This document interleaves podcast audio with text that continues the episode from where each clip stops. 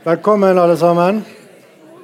Eh, det er torsdag 10. november 2016. Det føles litt rart å skulle sitte her og snakke om en amerikansk intellektuell, men det er altså det vi skal gjøre. Susan Sontag, født på en mandag 16.1.1933, for å være eksakt. Død tirsdag 28.12.2004 av leukemi. Fra en tysk-jødisk tysk jødisk familie. Datter av en kjøpmann og en lærerinne. Faren hennes dør av tuberkulose da hun er seks år gammel. Og moren gifter seg på nytt, og her forsvinner vitsen min, for det er stefaren som heter Sontag. Dette er tidlig et bråbegavet barn. I en alder av 16 begynner hun å studere på Princeton University. Og det er ikke som å få allmennstudiekompetanse i Universitetet i Bergen. Det kan jeg love deg. Eh, det går i filosofi, eh, kunst og litteratur. Jeg sitter her med Kaja Skjerven Målerin, som har, i disse dager er aktuell med denne boken her. 'I denne verden' heter den. Om Susan Sontag. Den er basert Kaja, på din doktoravhandling en slags eh, altså en, Er det en popularisert versjon, eller er det en, eh, rett og slett en litt omskrevet versjon av avhandlingen? Det er en eh, litt omskrevet versjon. men i det store og hele så er argumentet det samme, eller blikket det samme. Ja. Så mm, ja, den er ikke veldig popularisert. Den var Nei. veldig populært å begynne med. Ja, den kan bli populær. Jeg vil at du, Vi begynner med rett og slett at du forteller litt om ditt eget møte med Susan Sontag. Det er jo, altså For oss andre så er jo kanskje Susan Sontag først og fremst et bilde av en kvinne som er litt sånn, altså et veldig slående ansikt med en sånn lys stripe i håret. Et veldig karakteristisk ansikt. Um, hun uh, har jo et langt forfatterskap bak seg, og, men jeg vil at du forteller om ditt første møte, eller din, hvordan du ble oppmerksom på henne.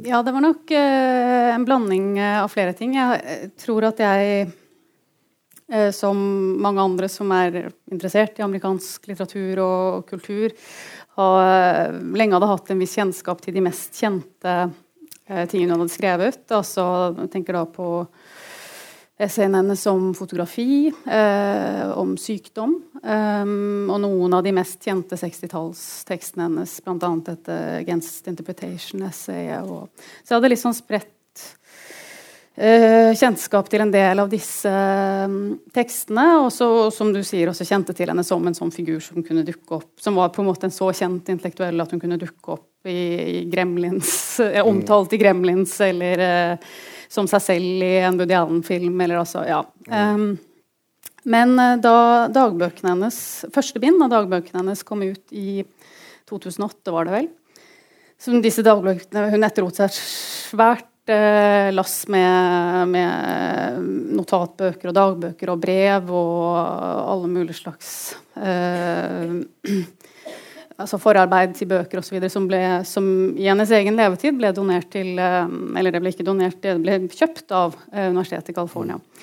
Uh, og så ble, ble, de da ut, første bind ble utgitt fire år etter at hun døde.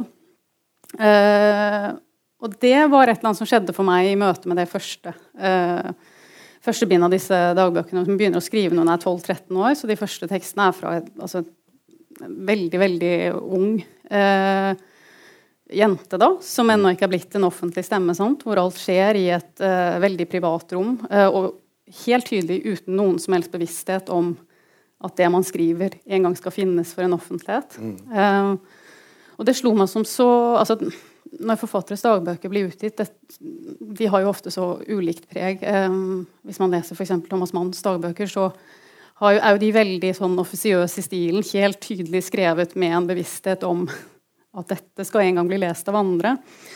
Um, mens med Sontag var det veldig annerledes. da, hvert fall disse, Etter hvert får hun nok en sånn grønn bevissthet om, om at, at, de vil kunne bli lest. Men, men de, som sagt, disse første um, bindene, da, er, eh, var en sånn umiddelbarhet og direkthet og oppriktighet i, i, de notatene og nedtegnelsene som, som traff meg. da, sånn bråmoden og, og intellektuelt nysgjerrig på absolutt alt mulig. Skriver en bok om Russland når hun er tolv år. altså sånn Jeg vet ikke. Jeg gjorde ikke det.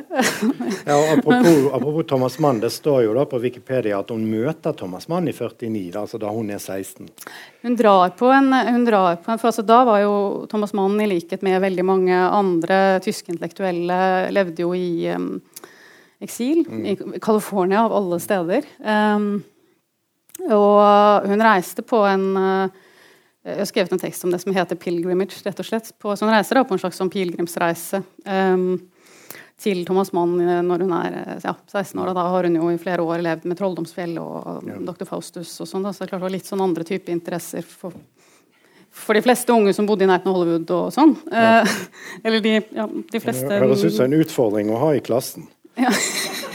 Um, ja, det er noe der. Ja, for det er mye sånn, også, fordi I dagbøkene så er det sånn leselister. sant? Nå skal jeg lese sånn og sånn. Altså, det er verdenslitteratur i en alder av altså, 12-13-14. Ja, ja, det er jo det. Og det er jo ikke bare det. Det er ikke bare sånn les Prost, les eh, mm. Dostojevskij. Det er les om igjen. Ja, altså, les om igjen. Les Brødrene Karamazov om igjen. Og så, bare, ja, ja. og så har vi den, siden vi først er på anekdotene, denne uh, Hun står i en kø i uh, UCLA. ja, og hører noen snakke om denne Marcel Proust. da. Og da blir hun veldig Hva er det da som skjer? Ja, det er morsomt, for hun forteller om dette etter at hun, et intervju som, etter at hun ga ut denne 'Regarding the Pain of Others', som er det siste store essayet hun skriver, som ble utgitt i 2003, altså et år før hun øh, dør. da så, så, ga hun et langt intervju som ligger på nett, som, hvor hun snakker med noen spanske studenter. Og sånn, veldig sånn sjenerøs samtale, og så forteller hun veldig sånn levende og oppriktig om noe, et av de pinligste øyeblikkene i sitt liv, som, som skal ha vært da hun sto i køen på, på Berkeley og, og sitter og Nei, hører noen foran seg snakke om prost, og da er hun 16 år, og, og det går opp for henne at man uttaler prost Prost, og ikke Proust, mm. som hun jo trodde det var. Og det Jeg vet ikke Det er jo ikke Det finnes pinnerøyeblikk, kanskje, ja. for seg. Selv om den er, den er pinlig, den. uh, og så er det jo da altså, Dette fører jo Dette bråbegavede barnet som leser voldsomt mye, fører jo henne da inn i en veldig omfattende karriere som offentlig intellektuell og Altså essayist, romanforfatter, filmskaper. Jeg har jo lest disse her tidlige tekst, tekstene hennes uh, som gis ut i den uh, samlingen som heter 'Against Interpretation', som kommer ut i 1966. Og da er Hun jo, sant? Hun er knapt fylt 30 år, og hun skriver sånne her, altså i Partisan Review og New York Review of Books så skriver hun essays der, altså, som er helt sånn klokkerent på, altså på tonen på altså det, det, er jo veldig ofte sånn når man leser en uh, Dette vet jo jeg som redaktør av Vinduet, at, uh, at det er slett ikke alltid at skribenten har nødvendig sikkerhet i sitt eget språk til å formidle det faglige innholdet som skal formidles. Men det har hun jo. Ja, det har hun jo. Det er jo, det er jo interessant at du sier det der med at hun, at hun, er så ung, for det var hun jo åpenbart. Men Sontag selv følte jo at hun var veldig gammel da denne boka kom. Mm. Og det kan nok ha hatt sammenheng med at um, hun brukte jo mange år egentlig på å bli en offentlig stemme fordi at hun veldig lenge, i mange år lå an til å, å bli en akademisk karriere for henne. Altså det var jo der hun startet og fikk et stipend etter å ha fullført mastergraden i filosofi i, på universitetet i Chicago. Så fikk hun jo et stipend eh, etter hvert til å reise til um, Oxford i England for å gjøre forarbeidet til det som skulle bli av doktoravhandlingen hennes om etikk. Mm. Um, og så legger hun etter hvert de planene på hylla og, og så videre, så, og forlater universitetet. Uh, etter å ha undervist tidlig på 60-tallet underviste hun vel i tre år eller noe sånt ved, ved Columbia. Mm. Um, så sånn sett så var jo veien til, til uh, de mer allmennkulturelle tidsskriftene og, og, det å bli en offentlig stemme uh, Den kan ha føltes lang, selv om den selvfølgelig i år på ingen måte var det. Og så er det også sånn i USA at de har jo hatt en veldig sterk tradisjon for nettopp det vi snakker om som allmennkulturelle tidsskrifter. Altså med gjerne en sånn, et slags boklig, boklig fokus, men altså for den allment opplyste leser. Da. Det er jo ikke det samme uh, ikke den samme tradisjonen for det i Norge. Eller i hvert fall ikke samme type økonomi i det. Uh, jeg har jo hørt at de får uh, altså, ja, altså Der kunne man jo tjene seg en grei månedslønn faktisk, hvis du fikk en tekst antatt i en sånn. Så det, leve, det var mulig å leve av det da. Den gangen og som nå. Uh, og den typen offentlig intellektuell som hun da etter hvert blir, det er jo altså Det er, det er kanskje ikke noe vi har her i Norge. Eller har vi noen gang hatt den type tradisjon? Hvert fall en veldig mye mindre tradisjon for det. Kan antagelig ikke. Eller i hvert fall, man vil jo finnes, Det finnes vel noen skikkelser man kan tenke at har hatt en tilsvarende funksjon, kanskje. Altså jeg tenker på Bjørneboe, f.eks. Mm. Var jo kanskje en type som kunne gå inn på ulike og kommentere ulike samfunnsområder fra sin posisjon som mm. forfatter med en viss tyngde. Uh, jeg vet ikke. Altså, og det finnes selvfølgelig også fortsatt uh, akademikere som, som, som gjør generalister av seg da, i en offentlighet, eller ikke bare begrenser seg til et, sånt, et spesielt fagområde. Og man må jo kunne si at allmennlitteraturvitenskap er et fag som har hatt eh, ja, typer som, som, har mm. deltatt i en offentlighet. Ja. Eh, eller det er et fag som også er i berøring med den allmenne kulturen på en helt annen måte enn en mange andre universitetsfag. da. Men, eh, men, eh, men, det er klart at uh, Norge er jo et veldig mye mindre land um, enn en USA, og helt andre tradisjoner på akkurat det området. Så det er klart at og Sontag selv knytter seg jo til et miljø tidlig på 60-tallet som, som, allerede fra mellomkrigstiden har vært veldig sterkt intellektuelt sett. Altså, jeg tenker mm. på kretsen rundt Partisan Review og sånt som, som Sontag helt åpenbart står i gjeld til å plassere seg i tradisjonen i forlengelsen av den tradisjonen, da, selv om hun eh, også eh, markerer at hun er en annen generasjon, bl.a. med i sin opptatthet av populærkulturer mm. osv., som, som, som hun jo blir banebrytende for tidlig på 60-tallet. Der endrer hun jo mildt sagt kurs etter hvert. Men, eh, ja. men uh, ja. ja. For den første boken som kommer ut av henne på norsk, altså i norsk oversettelse, det er altså 'Pornografien som forestillingsverden'. Den kommer ut i 1971 i Norge. 'Sykdom som metafor' i 1979. Så er det 'Om fotografi', eller deler av 'Om fotografiet' i 2004. Og så er det romanen 'Mannen som elsket vulkaner'. Den kommer i 1993. Og, og da også den som heter 'Å betrakte andres lidelse' i 2004. Så hun har jo også vært eh, eksponert i Norge. Altså, du har jo selv redigert et eh, nummer av Agora du, altså, som er et temanummer om Susan Sontag. Og hun har jo vært lest, får vi da tro, av noen. Men eh, det er vel aldri skrevet en monografi om henne før på norsk? Ikke på norsk, nei. nei. Uh, I amerikansk sammenheng er det selvfølgelig det. Ja. Um, og, og, også engelsk og, og, på tysk, faktisk, finnes det også en del. Og, så Sontag var jo Hun hadde jo faktisk et, et uh, tettere forhold til Sverige enn Norge, fordi at hun var jo i Sverige på slutten av 60-tallet for å, lage to, to, av filmene hennes. er jo mm. laget uh, i Sverige, altså to av de spillefilmene. Hun lagde jo en dokumentar på 70-tallet som, som, var finansiert på andre måter, men de to første spillefilmene hennes var finansiert uh, av den hva er det heter, svenske filmfondet eller mm. noe sånt. Um, og, så, så, hun, jeg tror, og, og, det var det en som fortalte meg nå for litt siden, at jeg, jeg, tror på svensk er alt oversatt. Ja. Så, sånn sett så har hun jo hatt en bredere mm. les... Eller i hvert fall et forlag som har vært mer interessert i henne. Ja. Mm -hmm.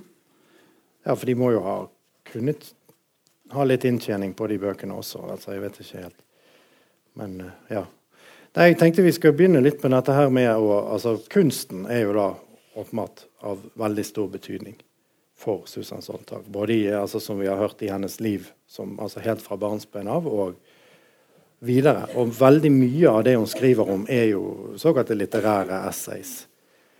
Um, så her skriver hun, Jeg har lyst til å lese litt av det du skriver i denne boken. her. Sant? Hun skriver da at uh, Du skriver I en hverdag hvor vi blir invitert av inntrykk, står vi numne igjen, mener hun. Altså Susan Sontag. Vi sanser ikke lenger verden skarpt nok, og dermed mister vi også innsikt i tingenes egenart. Kunsten kan ifølge Sontag motvirke dette hvis vi bare lar den virke fritt i oss, uten å tre forhåndsoppfatninger ned over den uten å kontrollere eller kategorisere inntrykkene den etterlater i oss. Kunsten lar oss kognitivt forstå verden på andre måter enn den tidligere har gitt seg til kjenne for oss på. Kunsten utvider så å si området for hva vi i det daglige ser, hører, får med oss. Men den har også en mer grunnleggende funksjon for Sontag. Kunsten gir liv. I møte med et kunstverk kan man oppleve å få noe vekket live til, til live i seg. Noen som fyller en med håp, glede, en følelse av sammenheng, og som også gir en mot til å oppsøke verden, eller bare være i den. Ja, det høres jo veldig fint ut. Ja, syns du ikke? Er det, altså Hvilken kunst er det Gjelder dette all kunst? I prinsippet kan man jo si det. Eh, sånt det varierer jo litt. Altså, jo, noen ganger så skriver hun jo eh, på et ganske generelt nivå, altså teoretisk nivå. Mens andre ganger så skriver hun jo mer sånn med utgangspunkt i helt konkrete eh, kunstverk. Da. Men eh, når det er sagt, så er det klart at Sontag har jo en ganske kresen kanon eh, for seg selv, i hvert fall, som, som først og fremst omfatter eh, det vi kan kalle modernistisk kunst. Altså, øh, og på 60-tallet er hun jo ikke spesielt opptatt av litteratur. Det blir hun mer og mer opptatt av, øh, eller får en større og større plass etter hvert. Hva var hun opptatt av på 60-tallet? Hun er jo opptatt av, eh, av billedkunst, av øh, moderne samtidsmusikk. Hun er opptatt av alle mulige slags nye kunstuttrykk som liksom, happenings eller eh, Camp. ja, camp, eksempel. Men jeg tror nok at akkurat sånn som det er nok mange ting hun er opptatt av på et, på et sånn teoretisk plan også. Det er helt tydelig at hun skriver jo De tingene hun skriver om på 60-tallet av romaner for eksempel, eller litteratur, det er jo uh, den franske nyromanen kanskje spesielt. Og det er tydelig at hun synes jeg i hvert fall Der er hun kanskje mer opptatt av, av noen teoretiske poeng enn en, en, mm. en av at dette er litteratur som faktisk treffer henne eksistensielt. Mm. Um, som at um, det varierer en god del hva slags type uh, kunst hun er opptatt av. Men det som har vært litt viktig for meg da, i denne sammenheng, og som er en grunn til at jeg bruker ordet estetikk, er jo, uh, for slik jeg forstår det, uh, eller slik jeg mener at Sontag forstår dette ordet, så omfatter det jo ikke bare kunst, men, men det er en betegnelse for sanselig erkjennelse i sin alminnelighet. ikke sant? Altså som, som, som betyr den kunnskapen du får gjennom sanselig tilstedeværelse i verden. Altså gjennom det du hører, gjennom det du smaker, kjenner mot kroppen, eller det du ser. Mm. Eh, og det er jo viktig, fordi at Sontag er jo Hun er jo like mye opptatt av fotografi. Eh, og da ikke bare kunstfotografi, men også liksom, fotografier, altså avisfotografier, krigsfotografier, som blir en store sånn sjanger på slutten av, mm. av livet. da. Ja, det skal vi komme tilbake til, akkurat det med krigsfotografier. Mm. Men, men jeg tenker på dette med altså, Uten å tre forhåndsoppfatninger ned over den. Altså denne, altså denne kunst uh, Det er jo helt klart en idealisering her sant, av mm. kunstopplevelsen. At du skal på mange måter bare være et stort øye, da, eller en, sant, et hjerte, eller hvor man nå skal Eller mm. et stort øre. Eh, er dette en posisjon hun har hele livet, eller er det noe som hører ungdomstiden til? Eh, jeg tror eh, Nei, altså litt begge deler, da. Ja. Fordi at For å ha utgangspunktet ved, så tror jeg at dette 'Against Interpretation Essay', da, som gjorde, eller 'Mot fortolkning', som det heter på norsk, um, det var jo et essay som gjorde henne veldig berømt. Um, men det er klart at hvis man skal ta henne på alvor, helt på alvor i det hun sier. Altså, at eh, det ene er jo på en måte at Sontag selv er jo selvfølgelig den første til å innrømme at fortolkning av hva som helst i verden er en forutsetning for forståelse. Altså, man, man, forstår jo ingenting uten å sortere inntrykk. Uh, ergo foregår det en fortolkning. Ja, Hun er ikke akkurat antiintellektuell? Nei, nei. nei. Ja. Um, og, og, det er klart at hun Måten hun uh, Men måten hun beskriver mot, Det hun motsetter seg, er at man altså, at man skal det, det sier om forhåndsoppfatninger, da, dette med å på en måte tre fortolkninger over et kunstverk som, som begrenser det på en eller annen mm. måte. Da. Men, men, man kan jo si det at um, hvis man skal ta en del på alvor, at det er at Enten så må man forstå henne helt abstrakt, altså nettopp en, i retning av en sånn veldig idealisert mm. eh, tilstand da, som du beskriver nå. Eller veldig konkret, altså sånn at man motsetter seg f.eks. en veldig sånn psykoanalytisk tolkning av mm. Kafka, for eksempel, som åpenbart reduserer veldig mye av, av rikdommen i verket. Eller altså den type sånn konkrete tolkninger. Mm.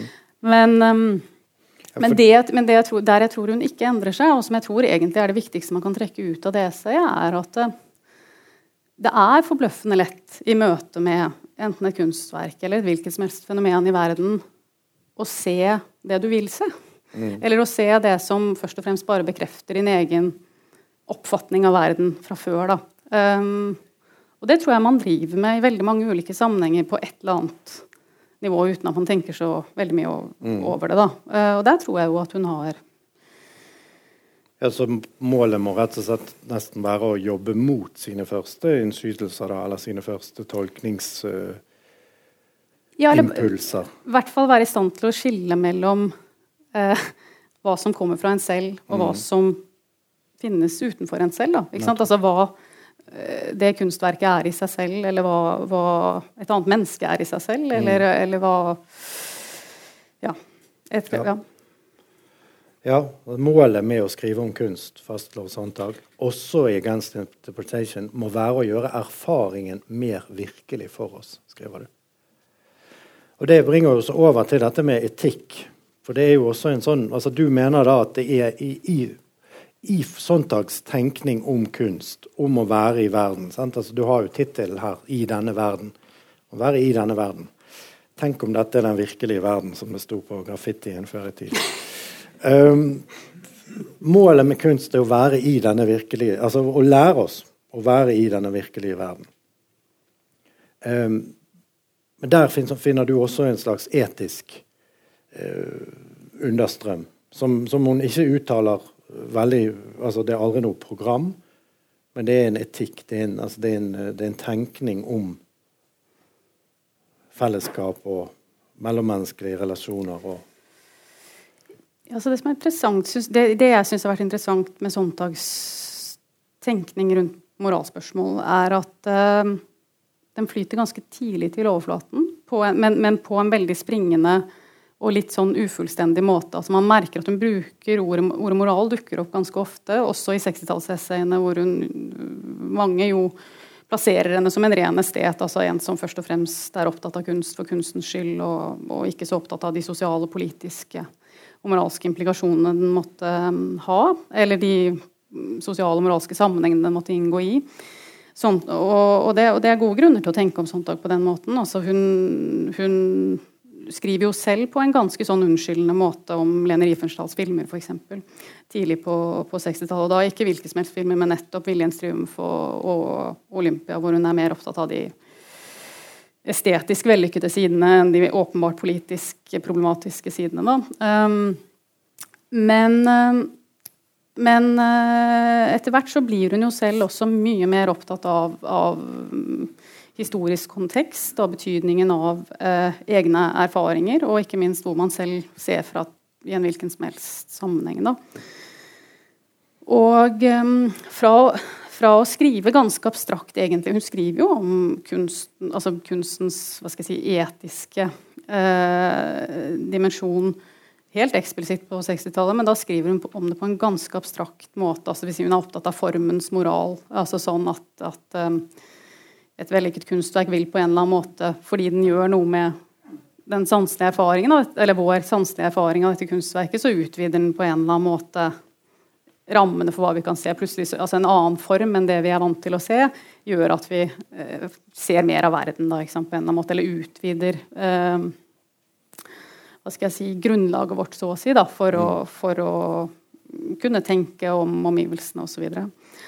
Men etter hvert så, hun, så, skriver hun mye mer systematisk om, om Eller det systematiske er en overdrivelse, men hun, hun, hun, blir mer og mer opptatt av konteksten ulike ytringer skjer i. Uh, og der mener jeg jo at hun har en interessant tenkning om moralspørsmål som, som ikke bare har med kunsten å gjøre, men også mm. mer generell tilstedeværelse. Da. Ja, og bare for å knytte det til det vi allerede har vært innom, da handler det mye sånn jeg forstår det, om å, å rett og slett la ting være sånn som de er. Altså la folk være sånn som de er også. Altså at du uh, altså Det står her i uh, sant? At moral, eller at, at vi, altså hun, Du knytter henne til Murdoch, Iris Murdoch at vi for, forsøker å betrakte verden på en så realistisk måte som mulig. Dvs. Si på en måte som i størst mulig grad, grad, ivaretar omgivelsene slik de er i seg selv, uten at vi projiserer for mye av våre egne behov, ønsker og fantasier inn i den. Den prosessen det er å sortere disse tankene og følelsene, minner Murdoch om den erkjennelsesprosessen vi får høre om i Platons hulelignelse. Fra å se verden som en skygge tilslått av våre egne illusjoner, ser vi den gradvis klarere, for til slutt å se verden i sin egenhet. Ja. Øh, dette, altså Nå nevner du jo Iris Murdoch, som er den andre store øh, Eller det andre store navnet for meg da, i denne sammenhengen. Um, og øh, hun var jo en engelsk, eller en britisk filosof som faktisk var i Oxford samtidig med, med Sontag. Um, og akkurat når det kommer til altså Et ord som er viktig for dem begge to, er jo eh, oppmerksomhet. Eh, som, som, for Murdoch dreier seg om nettopp det du leste, om, leste opp nå. Da. Og det kan man jo på en måte tenke at at er noe litt sånn selvfølgelig. Eh, og prøve å se verden så realistisk som mulig. Men jeg tror at i praksis så, så er det ikke så lett. Fordi man er på en eller annen måte fanget inne i sine egne oppfatninger og fantasier og behov og tanker om hvordan ting skal være. Eh, hvordan eh, Altså bare se på, på, så forskjellig Man kan tolke ulike politiske hendelser eller uh, ulike kriger eller uh, ja. Ulike forfatterskap, eh, eller forfatteres politiske ytringer. Alle disse tingene, altså Grunnen til at det oppstår uenighet om dette, er jo, det handler jo ikke bare om at hendelsene i seg selv er sammensatte, men også fordi man faktisk ser fra veldig forskjellige steder, ulike, og det får ulike konsekvenser for, for, for de, altså aktørene. Da, mm. Ja, og da har vi jo et nærliggende eksempel da, siden denne debatten som raste i 2014, ennå ligger som et ferskt minne. At, eh, altså om Peter Hanke sine Serbia-reiser i 96. Der han, sant, en veldig velrenommert og veldig høyt anerkjent tyskspråklig forfatter, eh, som riktignok alltid har vært redd for, altså, kjent for å være en vriompeis. Altså, hans første stykke heter jo 'Publikums utskjelling', og det er jo nettopp det stykket er også. Eh, han drar på en, en, eh, reise til Serbia, som på dette punktet, eh, tidspunktet er da under blokade. Og, ja, og ja, man kriger vel i Kosovo fremdeles, men ikke i, i Serbia er det jo aldri noe. Altså Bombingen av Beograd er ikke begynt. Og på mange måter da, etter mitt skjønn, så driver han da og, og, og projiserer alt det han ønsker er tilfellet, over på Altså Han ser i hvert fall ikke eh, realiteten i øynene, da. Mener, altså, du er nok enig med meg her? ja. Vi var vel medskyldige i å sette i gang denne debatten, ja. ja. Men det er jo også, altså det, jo, det er jo ganske interessant, for det viser jo også hvordan kunsten da eh, også kan handle mot bedre vitende. Altså, eh, en engasjert kunstner eh, som tar feil. Absolutt. Og altså Sontag eh, Sontag selv var jo eh, Det er jo en morsom historie om, eh, om eh, akkurat det. For at uh, Sontag selv var jo, som sikkert enkelte vil vite, veldig engasjert i, i uh, Balkan krigen og, og, tok en helt annen side i det enn Hanke gjorde. Um, hun dro jo til um, Sarajevo litt sånn tilfeldig fordi sønnen hennes skulle skrive en bok om, om borgerkrigen. I, og, og, så ble hun med han helt tilfeldig. Og så og var der i to uker eller noe sånt. Dette var etter beleiringen, altså sånn godt stykke ut i 93, var det vel. Og um, kom etter hvert til at hun skulle skrive noe, skrive noe om, om, dette, og gjorde det òg. Men i hvert fall på denne tiden så var hun jo uh, rasende på, på Hanke fordi at, på av uh, disse Serbia-tekstene. da. Uh, som hun mente var støtende på alle mulige måter. og Eh, hun har jo blitt sitert på det eh, et eller annet sted, at um, da Hanke ble, om, ble, omtalt i en eller annen sosial sammenheng, så skal hun bare ha sagt at 'he's dead in New York'. så, så, hun, så, hun, tenkte vel at hun hadde litt definisjonsmakt. Eller det sier mye ja. om begge to, for å si det sånn. ja.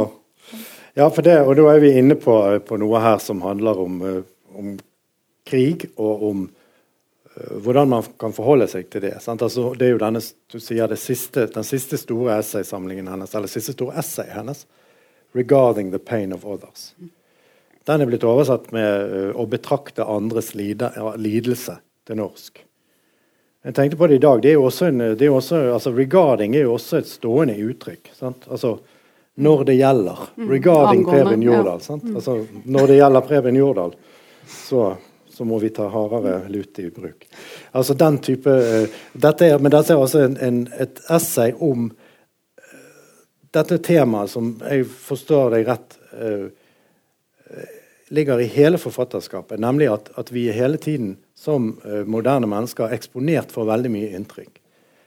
De kan føre til en slags nummenhet, ikke minst da billedjungelen. Den nummenheten gjør at vi blir redde og slår av TV? Eller hva tenker du? Ja, eller jeg tenker at altså um, At her kommer uh, nettopp dette med sanselig tilstedeværelse inn for fullt da, uh, for Sontag. Og når hun skriver denne boka, så uh, tar hun samtidig et oppgjør med sine egne tekster om fotografi tidlig på Eller som hun skrev første halvdel av 70-tallet. Uh, og det hun gjør uh, i de essayene på 70-tallet, er bl.a. Der argumenterer hun nettopp for dette at, at okay, vi lever i en verden som bombarderer oss med inntrykk. Det som skjer, er at vi blir helt numne. Uh, derfor tar hun til orde for det hun kaller en, sånn, en billedøkologi. Altså gi oss færre bilder, så føler vi kanskje mer. nettopp fordi at man tenker seg at den nummenheten ikke så mye gjør oss redde, men, men får oss til å føle ingenting. Altså flate, tomme. Um, men det hun, det, der hun motsier seg selv i, i 'Regarding the Pain of Others', så tar hun opp denne påstanden igjen. Så sier hun sånn Men er det egentlig sant at disse bildene gjør oss numne? Um, kanskje er det heller sånn at, at, den påstanden oppstår i en kultur og i et ideologisk rom som på en eller annen måte gjør det mulig å si at disse bildene gjør oss numne, er, og så tenker vi ikke mer på det. Mm. Mens de reaksjonene de bildene kanskje egentlig vekker i oss, er langt mer sammensatte, stikker mye dypere. Og som, som mange sikkert vil gjenkjenne seg i når man har sett på en del av de mest brutale bildene, enten de dukker opp på TV eller om de dukker opp i avisen eller sånn. At det, at det er et sånt sammensurium av følelser da, som er alt annet enn nummenhet, egentlig. Hvis man velger litt mer ved det var. Så det Sontag sier i det krigsessayet, eller dette essayet om krigsbilder, er jo egentlig Det er jo et forsvar for at de bildene skal finnes. Mm. Og at det, en, at det, er reaksjonært å be om færre bilder, fordi, det, fordi, at virkeligheten bak bildene forsvinner jo ikke av den grunn. Um, og at um, det, er jo, det er jo ja. også sånn da at uh, visstnok så, er, så er jo det uh, i f.eks. arabisk presse så man jo, har man jo mye mer grafiske bilder, altså mer altså i eksplisitte bilder av uh, krigens herjinger enn vestlig presse slipper igjennom. Sant? Det er jo helt utenkelig for vestlig presse å altså Vi advarer mot sterke bilder. Det er jo sjelden så veldig sterke bilder mm. som det kunne vært.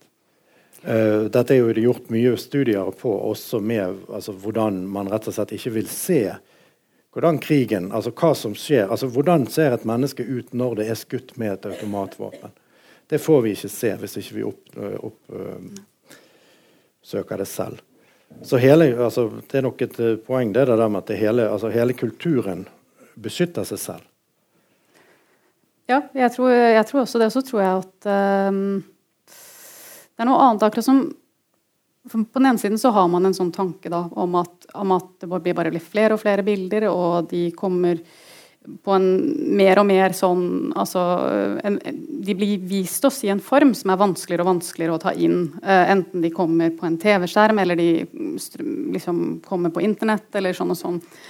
Men når man leser det essayet til Sontag, da, uh, så syns jeg det også er slående å tenke, for at, tenke at Eller det som slår meg, er at, uh, at det er noen ting som også er påfallende stabilt. fordi at det essayet åpner med en eh, referanse til Virginia Woolf, som sitter eh, på slutten av det som skulle bli hennes liv. Da visste, vi visste jo selvfølgelig ikke hun da hun skrev, men da sitter hun og skriver. Hun satt da eh, på slutten av 30-tallet under den spanske borgerkrigen og skriver det som skulle bli hennes siste store essay.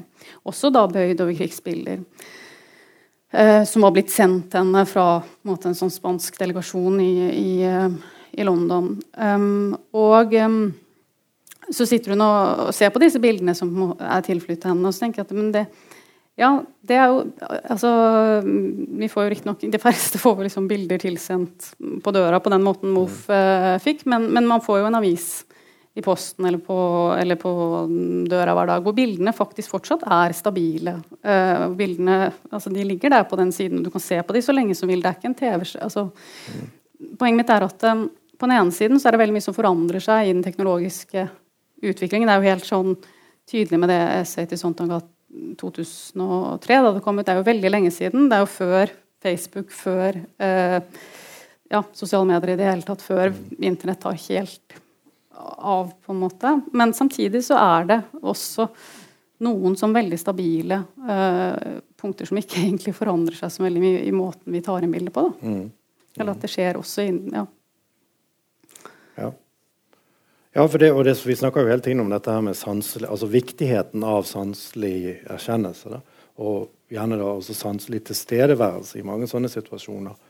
Eh, men det, på slutten her nå, altså som en avslutning Jeg tenkte på dette med altså Hun er jo da veldig opptatt av høykultur.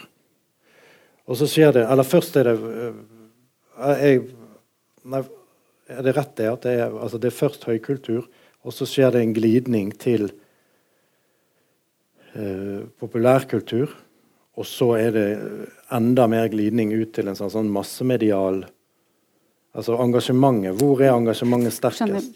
Ja, nei, altså På, på 60-tallet så er det jo eh, Så er hun jo eh, altomfavnende, egentlig. Altså Det er jo kanskje noe av det som, som gjør Against Invitation til en veldig frisk og levende samling. Altså egentlig fortsatt, syns ja. jeg, da. Det vil ja. jo Det får jo være opp til andre også å mene noe men, men, da den kommer, så, så, så, er det klart at det, at det hun gjør, veldig, som, som, også andre kunne gjøre på den tiden, men som hun gjør på et veldig høyt nivå, da er jo å, å blande ting. ikke sant? Altså at, det, at hun skriver om, om, om, høylitterære verk, hun skriver om, om de mest anerkjente billedkunstnere, men også om science fiction-filmer og, og camp og alle mulige slags så da, da skriver hun jo om alt. Mm. Men akkurat den interessen for populærkultur hun jo, går hun jo ganske tidlig bort fra. Mm. Eh, det var jo som Hun sa, hun sier i et eller annet intervju at lite visste hun at liksom, hennes argumenter skulle åpne for tonnevis med avhandlinger om Batman. Mm. Som, som, som en, altså, og det kan man jo le litt av, men jeg tror jo at, at Man kan jo også snu på det og si at, at, at hun eh, etter hvert som populærkulturen på, på en, altså Når hun er opptatt av populærkultur, så er, er, hun det jo også fordi at det er en kamp mot smakshierarkier. Mm. Altså, og kanonisering og, og, hva slags type ting som blir forsket på på universitetene, hva slags type ting som blir tillagt verdi. Og hele det der verdi, Hva som blir tillagt verdi, er jo viktig for sånt. og har naturligvis også en moralsk side som, som, jeg har vært opptatt av. Det er jo ikke bare dette med sanselig tilstedeværelse, men nettopp også det hva vi vel, til enhver tid velger å tillegge verdi Enten vi er oss det bevisst eller ikke. Da. Mm. Der går hun inn på 60-tallet og gjør en del eh, ting som, som, hun, som, gjorde henne kjent, da, og som også gjorde at Og dette handlet også om hvilke At hun også kunne skrive i, i Vogue eller altså? Altså innenfor helt sånn andre typer tidsskrifter enn en, en det som ga på en måte mm. Eller som man tilla akademisk tyngde, da. Um, Men, eh, men så på 70-tallet skriver hun om fotografi og, og, sykdom, etter at hun selv også blir veldig syk. Uh, ble gitt 10 sjanse til å overleve og gikk på en cellegiftkurs som varte i 36 måneder. Mm. Um, og, og, ble frisk igjen. Men så kommer det, altså, men ganske tidlig i 70- 80-tallet så, så, har hun jo sluppet populærkulturen mer eller mindre helt. Altså. Mm. Uh, og, blir, og blir en slags forsvarer for kanon må man vel kunne si. Um, Men samtidig, da, dette når Abu Ghraib uh, blir, eh, kommer til overflaten, sant? den skandalen der, så er det jo Da er hun på pletten ja, ja. og det. Og altså, hele tiden Politisk, dette engasjementet ja. som løper parallelt. altså Ikke bare den oppholdet i Sarajevo, men hun har jo denne A Trip to Hanoi, som er vel i 69 eller 67. Mm. En lang, lang, mm. lang, lang tekst. Uh, altså en slags ja, en offentlig intellektuell i ordets eneste forstand. Ja, hun er jo også, Du har Vietnam-engasjementet på, på 60-tallet, og så engasjementet altså for Midtøsten-konflikten på 70-tallet, kanskje særlig hvor hun reiser og dekker og skriver, lager en dokumentarfilm om jom, forholdene i Israel etter Jom Kippur-krigen. Mm. Og 80-tallet er det Som du skriver om her, sant? Ja. Promised ja. Land. Så er det Øst-Europa og, og og Balkan særlig, som blir 80- og 90-tallet for henne. Mm. Og da krigen mot terror i, um, tidlig på 2000-tallet, hvor hun jo var veldig tidlig ute. Det gikk vel bare fire-fem dager før det sto en tekst av Sontag ja. i The New Yorker, som hun jo fikk utrolig mye hets for i etterkant, men hvor hun da skriver at ja, hva nå enn man, man, disse terroristene var, så var de i hvert fall ikke feige, og hva nå enn Amerika er, så er det i hvert fall ikke bare sivilisasjon og humanitet. Altså, som i den konteksten um, ja, ble opplevd da, som støtende da, av mange. Mm. Ja. Mm. ja.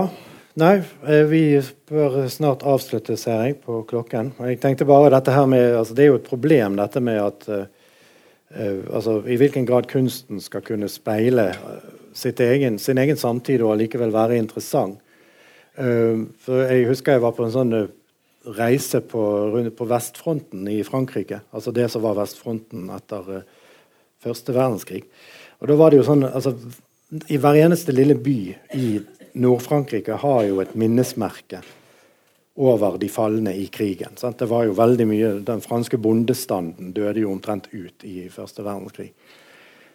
Og Da oppdaget man ganske tidlig et stort problem i det at hvis man skulle ha et kunstnerisk altså Det, vil, det vi vil anse som et kunstnerisk interessant minnesmerke Altså et avantgardistisk, litt, så, altså sånt, uh, litt rått, litt uh, disharmonisk, bruddpreget uh, kunstverk. Det kunne man ofte få, men det var ofte ikke det de pårørende og etterlatte ville ha. De vil heller ha sånn som altså Det fins et svært monument på et som heter Vimy, en høyde i Nord-Frankrike. Eh, der et canadisk kompani ble omtrent altså utradert. Og der har man, altså Det er et svært, og da mener jeg kjempesvært, hvitt marmormonument med sånne allegoriske figurer som står rundt. Sant? Det er Canada, mor Canada som gråter over sine barn. Også, altså Det er kitsch. Det er ren kitsch for oss. Men det er for de som da har, de som har mistet alt, så er det da uh, meningsfullt. Og, og, og, det er litt sånn, altså, Jeg tenker på det nå i forbindelse med Susan Sontag, for det må jo være et poeng å få si, kombinert de to tingene der. sant? Ja, opplagt. Det tror jeg nok eh, det var for henne. Men, men, disse problemene som du skisserer, tror jeg nok hun ville nikke gjenkjennende til. Samtidig så er det jo en sånn konflikt også i Sontags eget forfatterskap knyttet til disse tingene, fordi at um, mange vil jo mene at, at, hennes egne forsøk på å, skrive, altså, å lage kunst eller skrive romaner var særdeles mislykkede. Uh, og, og, der er nok, er nok, jeg mer delt, da. Mm. Men, men, men Sontag selv altså, Til tross for liksom, estetikken hennes, som er utro, mener jeg veldig veldig sterk, og, og hennes sånn deltakelse i, i, alle mulige slags offentlige debatter som, som, som alltid var eh, present og saksorientert og, og God? Ja, god. Eh, altså prestasjon i seg selv. Da, også det å kunne tåle å stå i en offentlighet så mange konflikter gjennom så mange tiår. Eh, krever sin kvinne hva. for Sontag var det ingenting. Det sa hun jo i mange sammenhenger mm. at det var, var det noe hun var. Til syvende og sist så var det romanforfatter. Ja. Um, og du var jo selv så jeg truet en gang med å forklare hvorfor hun ikke er det. Ja. Um, men, um, men, det er klart det er jo interessant, da. Altså det der med, og det, det er nok ulike grunner i det. Helt sikkert med forfatter Eh, rollens Altså den nimbusen den forfatterrollen på en eller annen måte fortsatt har. Da, en slags sånn opphøydhet, eller eh, ja, Man fortsatt tenker på forfattere som, som bærer av innsikt. Ja, romanforfattere. Romanforfattere spesielt, spesielt da, som bærer av innsikt. Og mange av dem er jo også det, så det er ikke mm. det. Men, men, eh, men, jeg tror nok også det har sammenheng med at, at, at kunsten for Sontag, også romanforfatteren Sontag, setter en i stand til å se helt andre ting, eh, eller, og til å skrive helt andre ting enn man vil kunne skrive i en mer saksorientert tekst. Da. At det er et friere rom, eh, rett og slett. Mm. Um, men, eh, men, kanskje ikke det rommet hun selv behersket best. Jeg tror vi lar det bli siste ord, jeg. Kaja Molin, tusen takk. Takk til deg òg.